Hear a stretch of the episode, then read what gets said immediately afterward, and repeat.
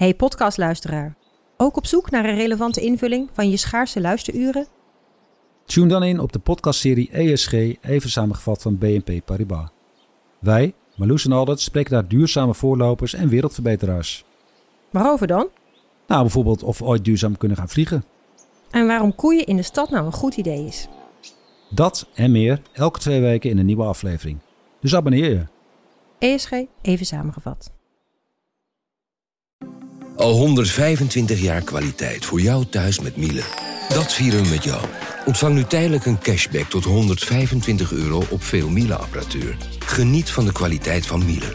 Voor perfect verzorgd wasgoed en kleding die veel langer mooi blijft. Voor een stralend schone vaat, even perfect als jouw diners. En een stofvrij thuis waarin echt hygiënisch schoon de standaard is. Check miele.nl voor alle feestelijke aanbiedingen.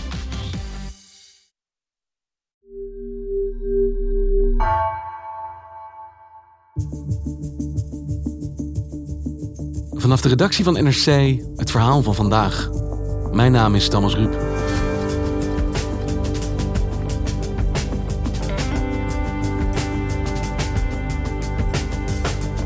Grote kans dat je nog nooit hebt gehoord van SHV. Dit is het grootste familiebedrijf van Nederland, met activiteiten over de hele wereld.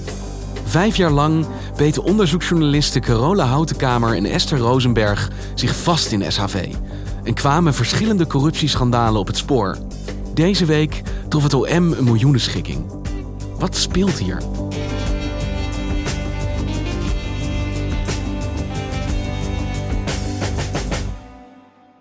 Het is uh, 2012 voor de Iraakse kuststrook. Dat is een hele korte kuststrook. Onder het wateroppervlakte in de Perzische Golf ligt daar het wrak van een enorme olietanker. Die ligt daar eigenlijk al sinds 1991, operatie Desert Storm. Toen was die gebombardeerd, uitgefikt, naar de bodem gezonken. En uh, dat, die olietanker heette Amuria. En die ligt daar de toegang uh, tot een enorme olieterminal te blokkeren. Al decennia lang is dat een obstakel. En uh, in Irak hebben ze bedacht, dat ding moet een keer weg. En als er natuurlijk iets is waar Nederlanders uh, goed mee in zijn, dan is het uh, dingen met water en bergen en baggeren en uh, omhoog tillen.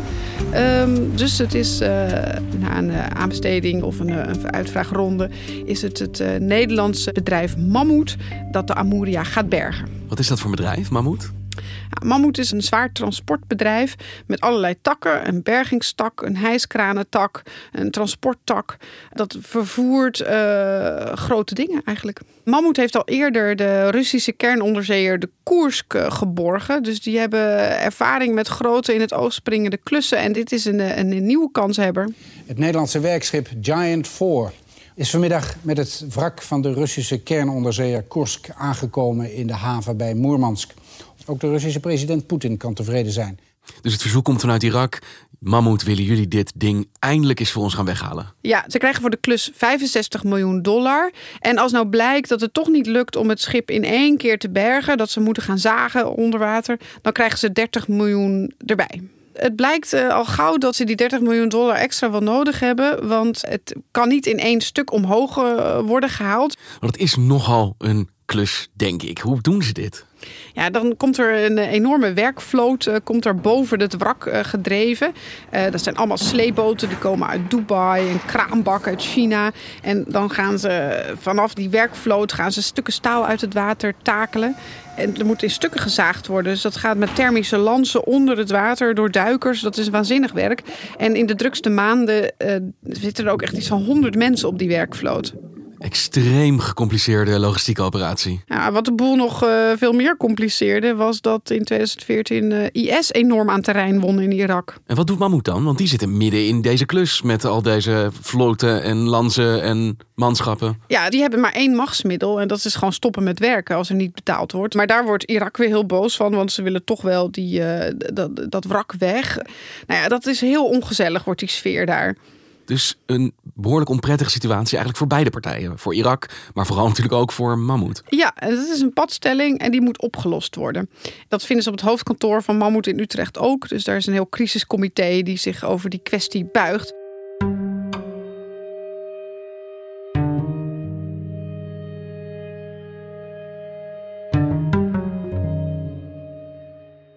Via een advocatenkantoor komt Mammoet in contact met een uh, bemiddelaar, een zakenman, die zegt dat hij kan bemiddelen tussen de Iraakse overheid, dat is het ministerie van Olie om precies te zijn, die heeft de klus uitgeschreven, en Mammoet. En wie is deze bemiddelaar?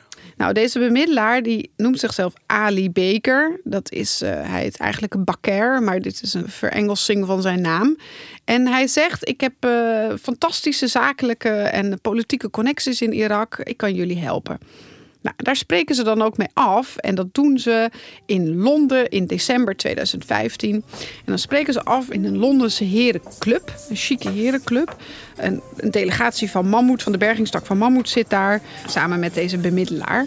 En er zit ook nog een andere man bij. En dat is de vader van Ali Baker. Die zit ook in de Londense herenclub. En wie is die vader dan? Die vader die heet Mowafak al-Rubai. En uh, in de Nederlanders, Mammoet, die hebben al wel eens contact met hem gehad. Ze noemen hem dokter Mo. En hij is, een, uh, hij is neuroloog van beroep, maar hij is ook uh, veiligheidsadviseur in Irak geworden. Een hele vooraanstaande positie. En inmiddels is hij parlementariër in het Irakse parlement. En hij heeft uitstekende contacten bij het ministerie van Olie. Een bizar detail is ook uh, dat uh, dokter Mo uh, betrokken is geweest, of naar eigen zeggen, eigenlijk zelfs Saddam Hussein heeft opgehangen. Hij heeft Saddam Hussein opgehangen? Ja, dat, is, dat stelt hij. Dat wordt wel betwist omdat de galg niet in één keer werkte en misschien mogelijk iemand anders aan de hendel heeft getrokken de tweede keer. Maar okay. hij zegt dat hij het was. Hij is een belangrijk en gezien persoon in Irak. en hij kan deze kwestie misschien wel vlot trekken voor Mammoet.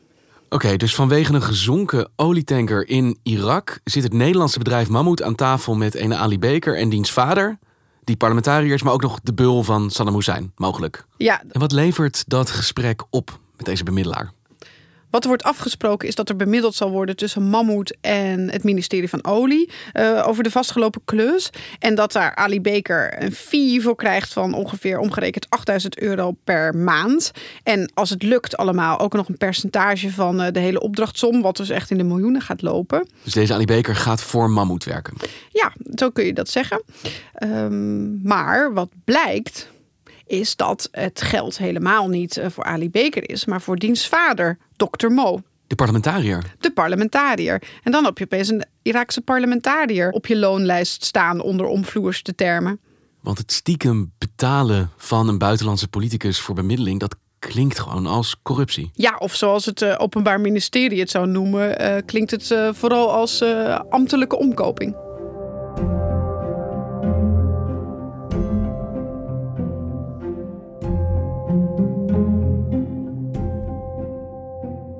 Corona, jij en Esther Rosenberg hebben hier samen onderzoek naar gedaan. Waarom hebben we het vandaag over een olietanker onder het wateroppervlak bij Irak? Nou, Mammoet is een, een dochteronderneming die in handen is van een, van een heel groot bedrijf. Uh, dat is eigenlijk het grootste familiebedrijf van Nederland. Dat is SHV uit Utrecht. En de afgelopen vijf jaar hebben Esther, mijn collega en ik specifiek naar dit bedrijf gekeken. Want het grootste familiebedrijf van Nederland, SHV, maar ik heb hier nog nooit van gehoord. Nee, dat is, dat is echt grappig. Hè? Er werken circa tussen de 50 en 60.000 mensen wereldwijd voor dit bedrijf. Het, en de dochterondernemingen. Het is vooral een verzameling van dochterondernemingen. Uh, die worden aangestuurd vanaf het hoofdkantoor in Utrecht. En het is in handen van de familie Ventener van Vlissingen. Dat is een naam die je misschien wel kent. Hm. Dat is een grote, vermogende familie in, uh, in Nederland. Die zijn begonnen in de steenkolen, vandaar de naam uh, SHV Steenkolenhandelsvereniging.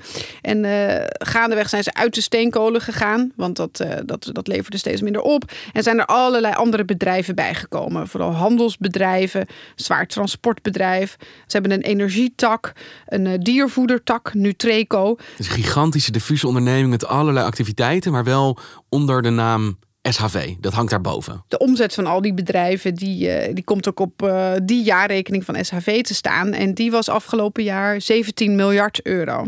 En via dit mammoet is SHV dus betrokken bij een corruptieschandaal. Ja, maar het is niet het enige.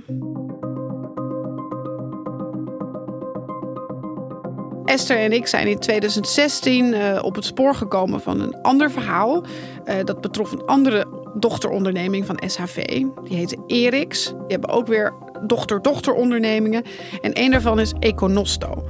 Die hebben een afdeling in Dubai. En Econosto handelt in onder meer afsluiters. Dat zijn een soort onderdelen voor de olie- en gasindustrie. Daar zitten ze in.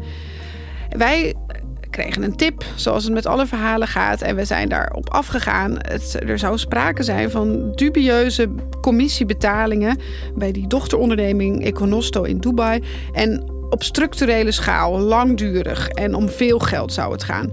Nou, daar zijn wij in 2016 achteraan gegaan zoals je dat doet eh, als onderzoeksjournalist. Je gaat als een uh, malle proberen mensen te spreken te krijgen. Je gaat bellen, mailen, langs bij mensen op de stoep staan, aanbellen en zeggen van vertel me dit uh, verhaal. Wat, is, wat klopt hiervan? Wat is hiervan waar? Wees het bedrijf, weet het moederbedrijf dit of niet? En wat leverde dit speurwerk jullie op? Waar wij achter kwamen is dat er dus op grote schaal langdurig voor grote bedragen inkopers van klanten werden omgekocht en steekpenningen kregen in ruil voor orders.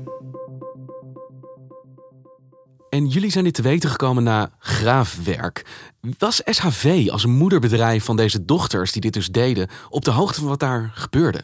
Ja, vanaf uh, eh, 2014, begin 2015 is SHV daar zelf achtergekomen dat dit gebeurde. Nou, dat wilden ze niet langer. Dus dan is er een, eh, een advocatenkantoor, De Brouw, Groot Zuidas kantoor, is er opgezet. Die hebben het hele tent leeggeveegd. Uh, alles onderzocht. Ook bij andere dochterondernemingen van SHV gekeken van... we gaan hier eigenlijk ook nog meer dingen mis. En mensen weggestuurd. Uh, Econosto Mid-East is zelfs helemaal ontmanteld als bedrijf. Um, en de uitkomsten van dat onderzoek, laat ik het zo zeggen... die zijn uh, wellicht ergens in de kluis bij de brouw beland. ver uit het zicht van iedereen. En daarmee hoopt natuurlijk SHV dat het...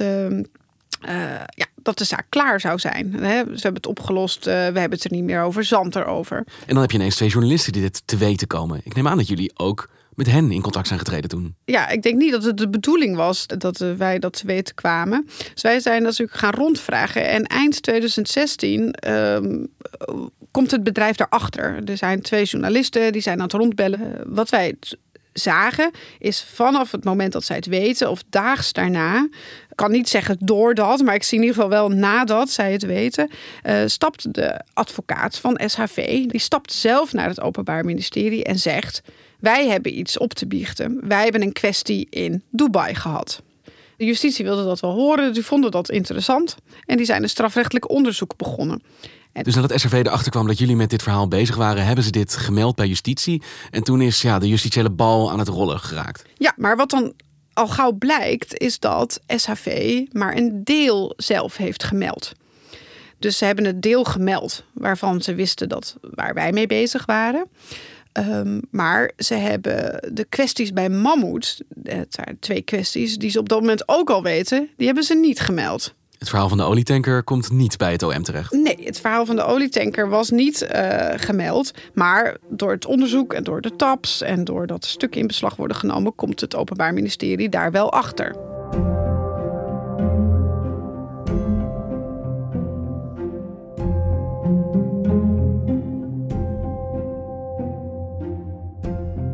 Loopt dat onderzoek van justitie? Nou, het onderzoek loopt uh, ruim 4,5 jaar en een groot team opgezet. En dat is nu eigenlijk uh, woensdag geëindigd in drie schikkingen. Afgelopen woensdag? Afgelopen woensdag heeft het Openbaar Ministerie gepubliceerd dat het met drie dochterondernemingen van SHV schikt. Dat is het resultaat, een schikking, niet vervolging. Nee, dat klopt. Uh, ze hoeven niet voor de rechter te komen. Um, uh, in ieder geval, de bedrijven hoeven niet voor de rechter te komen. Uh, ze kunnen strafvervolging afkopen met een bedrag van in totaal 41 miljoen. Um, dat is de dochterondernemingen. SHV, de moederholding, hoeft niet te schikken. Maar Eriks moet schikken en Mammoet moet schikken voor de twee corruptiegevallen bij de twee dochterondernemingen. En Wordt SHV als moederbedrijf in dit geval dus eigenlijk ook niet verantwoordelijk gehouden voor het handelen van haar dochters? Nee, juridisch is het zo. Je bent natuurlijk wel verantwoordelijk voor de boekhouding en het geld en het personeel. En je bent natuurlijk de moederholding.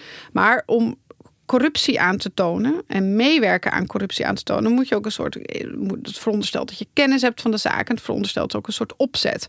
En uh, dat, is, dat is een hoge lat. En het officier zegt dat de, de moederbedrijf die lat niet haalt.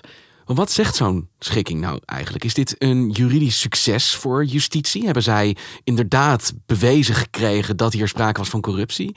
Of is hier iets anders aan de hand? Nou, je kunt er twee dingen over zeggen. Het eerste is, kijk, schikkingen zijn best controversieel. Hè? Het, gevoel dat grote bedrijven hun strafvervolging, een moeilijke rechtszaak kunnen afkopen. Want het neigt toch een beetje van, ja, als je een beetje geld hebt, dan kun je het afkopen. Maar er staat tegenover dat internationale corruptie heel moeilijk te um, bewijzen is. Um, dus ook een schikking is een afgeronde zaak waar je bewezen feiten hebt. En dat is dus juridisch gezien wel, kun je dat wel een succes noemen. Het is in ieder geval een, eh, een afgeronde corruptiezaak. Dat gebeurt niet zo heel vaak. En tegelijkertijd lijkt me dit voor de gigant die SHV is, het grootste familiebedrijf van Nederland, met een omzet van uh, eh, 17 miljard per jaar. Ja, niet zo'n heel groot probleem. Ook best een aardige uitkomst, toch? Ja, dus zij zijn er hiermee vanaf, van deze kwestie. In ieder geval voor eh, de dochterbedrijven. Daar komt bovenop dat de dochterbedrijven in de uiteindelijke boete die ze moeten betalen aan het Openbaar Ministerie, uh, dat ze ook nog een fikse kortingen hebben gekregen. Korting? Korting. En dat is wel nieuw. Daar is het Openbaar Ministerie voor het eerst heel uh, transparant over. Uh, Eriks heeft 25% korting gekregen op de boete, omdat ze zichzelf gemeld hebben. Nou, dat ze dat doen nadat wij uh, aan de poort staan te rammelen daar, dat, dat, dat, is voor het Openbaar Ministerie niet relevant. Ze hadden zichzelf gemeld. Mm En uh, alle drie de dochter, voor alle drie de kwesties hebben de, de dochterondernemingen nog eens 25% korting op de boete gekregen. Uh, omdat ze zo goed hebben meegewerkt aan het onderzoek. Daarmee hoopt de officier van justitie natuurlijk andere bedrijven te lokken en te zeggen: kom nou naar ons toe als je, als je, als je iets vindt en geef ons nou al je stukken uit jezelf. Uh, want dan, dan belonen wij je met korting. Het klinkt echt alsof ze stickers uitdelen.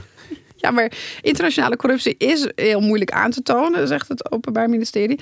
Dus het, de slagingskans is groter um, uh, als, als het bedrijf mee wil werken. Dat is wel een interessant signaal. Want aan de ene kant kan je zeggen met zo'n schikking: het is een enorme tik op de vingers. Maar met die korting en we zullen ook niet bij het moederbedrijf al te moeilijk gaan doen, laat je ook te zeggen: joh, meld je maar gewoon. Het valt allemaal wel mee. En dat heeft misschien als resultaat dat wij die gigantisch ingewikkelde internationale corruptiezaken niet helemaal moeten uitpluizen. Uh, ja, ja, uiteindelijk moeten ze wel natuurlijk genoeg bewijs hebben om die boete op te leggen. Dus dat is alsnog een klus. Maar uh, het gaat een stuk makkelijker als het bedrijf jou de relevante stukken geeft. Want dan hoef je, heb je misschien bepaalde rechtshulpverzoeken naar landen die toch nooit meewerken, niet nodig. En versleutelde data die je toch nooit kan ontsleutelen, die kun je dan wel krijgen. Maar goed, dat roept ook wel weer interessante vragen op. Want um, ja, wat is samenwerking in het strafrechtelijk onderzoek? En wat is meewerking? Krijg je alle stukken? Um, weet je wel waar je om moet vragen? De unknown unknowns. Misschien is er nog wel een grote kwestie die niet is gemeld en waar je niks van weet en waar je ook niet om vraagt. Wij hebben daar geen bewijs voor dat dat nu mis is gegaan. Maar dat zijn wel vragen die zo'n samenwerking uh, oproept. En wat zegt SHV dan tegen jullie over wat hier gebeurd is? Nou, eigenlijk hebben ze de afgelopen 4,5 jaar niet met ons willen praten op geen enkele manier. Maar vanochtend kregen we dan toch uh, een, een, persbericht toegestuurd. En daarin zegt uh, Jeroen Drost, dat is de bestuursvoorzitter van SHV die zegt van nou, uh, de feiten die uit het onderzoek van het uh, OM naar voren zijn gekomen zijn pijnlijk, ernstig en absoluut onacceptabel. En hij zegt we hebben meteen ingegrepen bij Eriks en Mammoet en we hebben gedragsregels aangescherpt en toezicht uh, geïntensiveerd. Ja, dus wel duidelijke erkenning, dit hebben we niet goed gedaan. Ja, en we gaan het beter doen.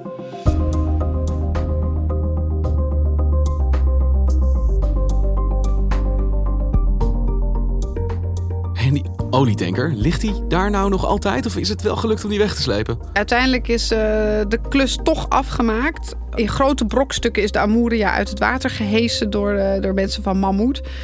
Er is nog steeds geldtekort. Uh, het ministerie van Olie heeft niet betaald. Dus ze hebben een claim neergelegd bij het ministerie van Olie. En die is op dit moment opgelopen tot 120 miljoen dollar.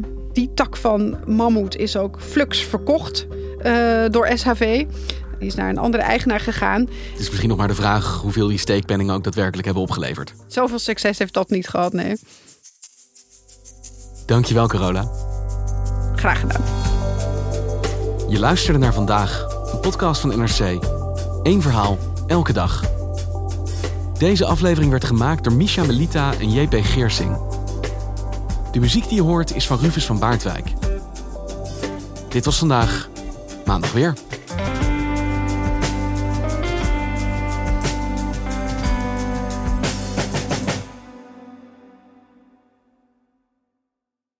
Technologie lijkt tegenwoordig het antwoord op iedere uitdaging.